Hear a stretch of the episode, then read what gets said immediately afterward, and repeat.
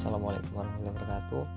Di episode yang pertama di podcast saya ini Saya ingin membahas terkait tiga hal Yang harus dikuasai untuk menjadi seorang pengusaha. Yang pertama Hal yang pertama adalah mindset.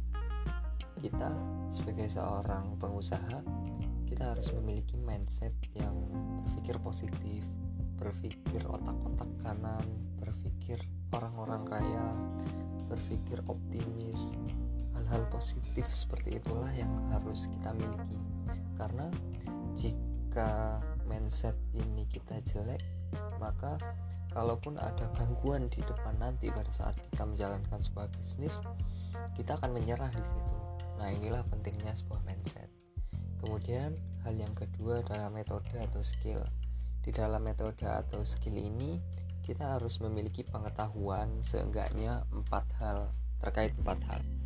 Yang pertama pemasaran, yang kedua keuangan, yang ketiga sumber daya manusia, dan yang keempat operasional. Nah, kemudian hal yang ketiga adalah terkait strategi.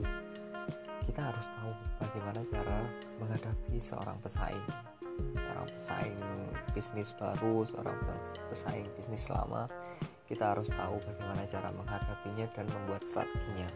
Kemudian bagaimana agar bisnis ini bisa bertahan dalam jangka panjang? Nah, ini juga ada strategi-strategi khusus yang perlu kita ketahui dan kita pelajari. Oke mungkin itu sharing singkat dari saya.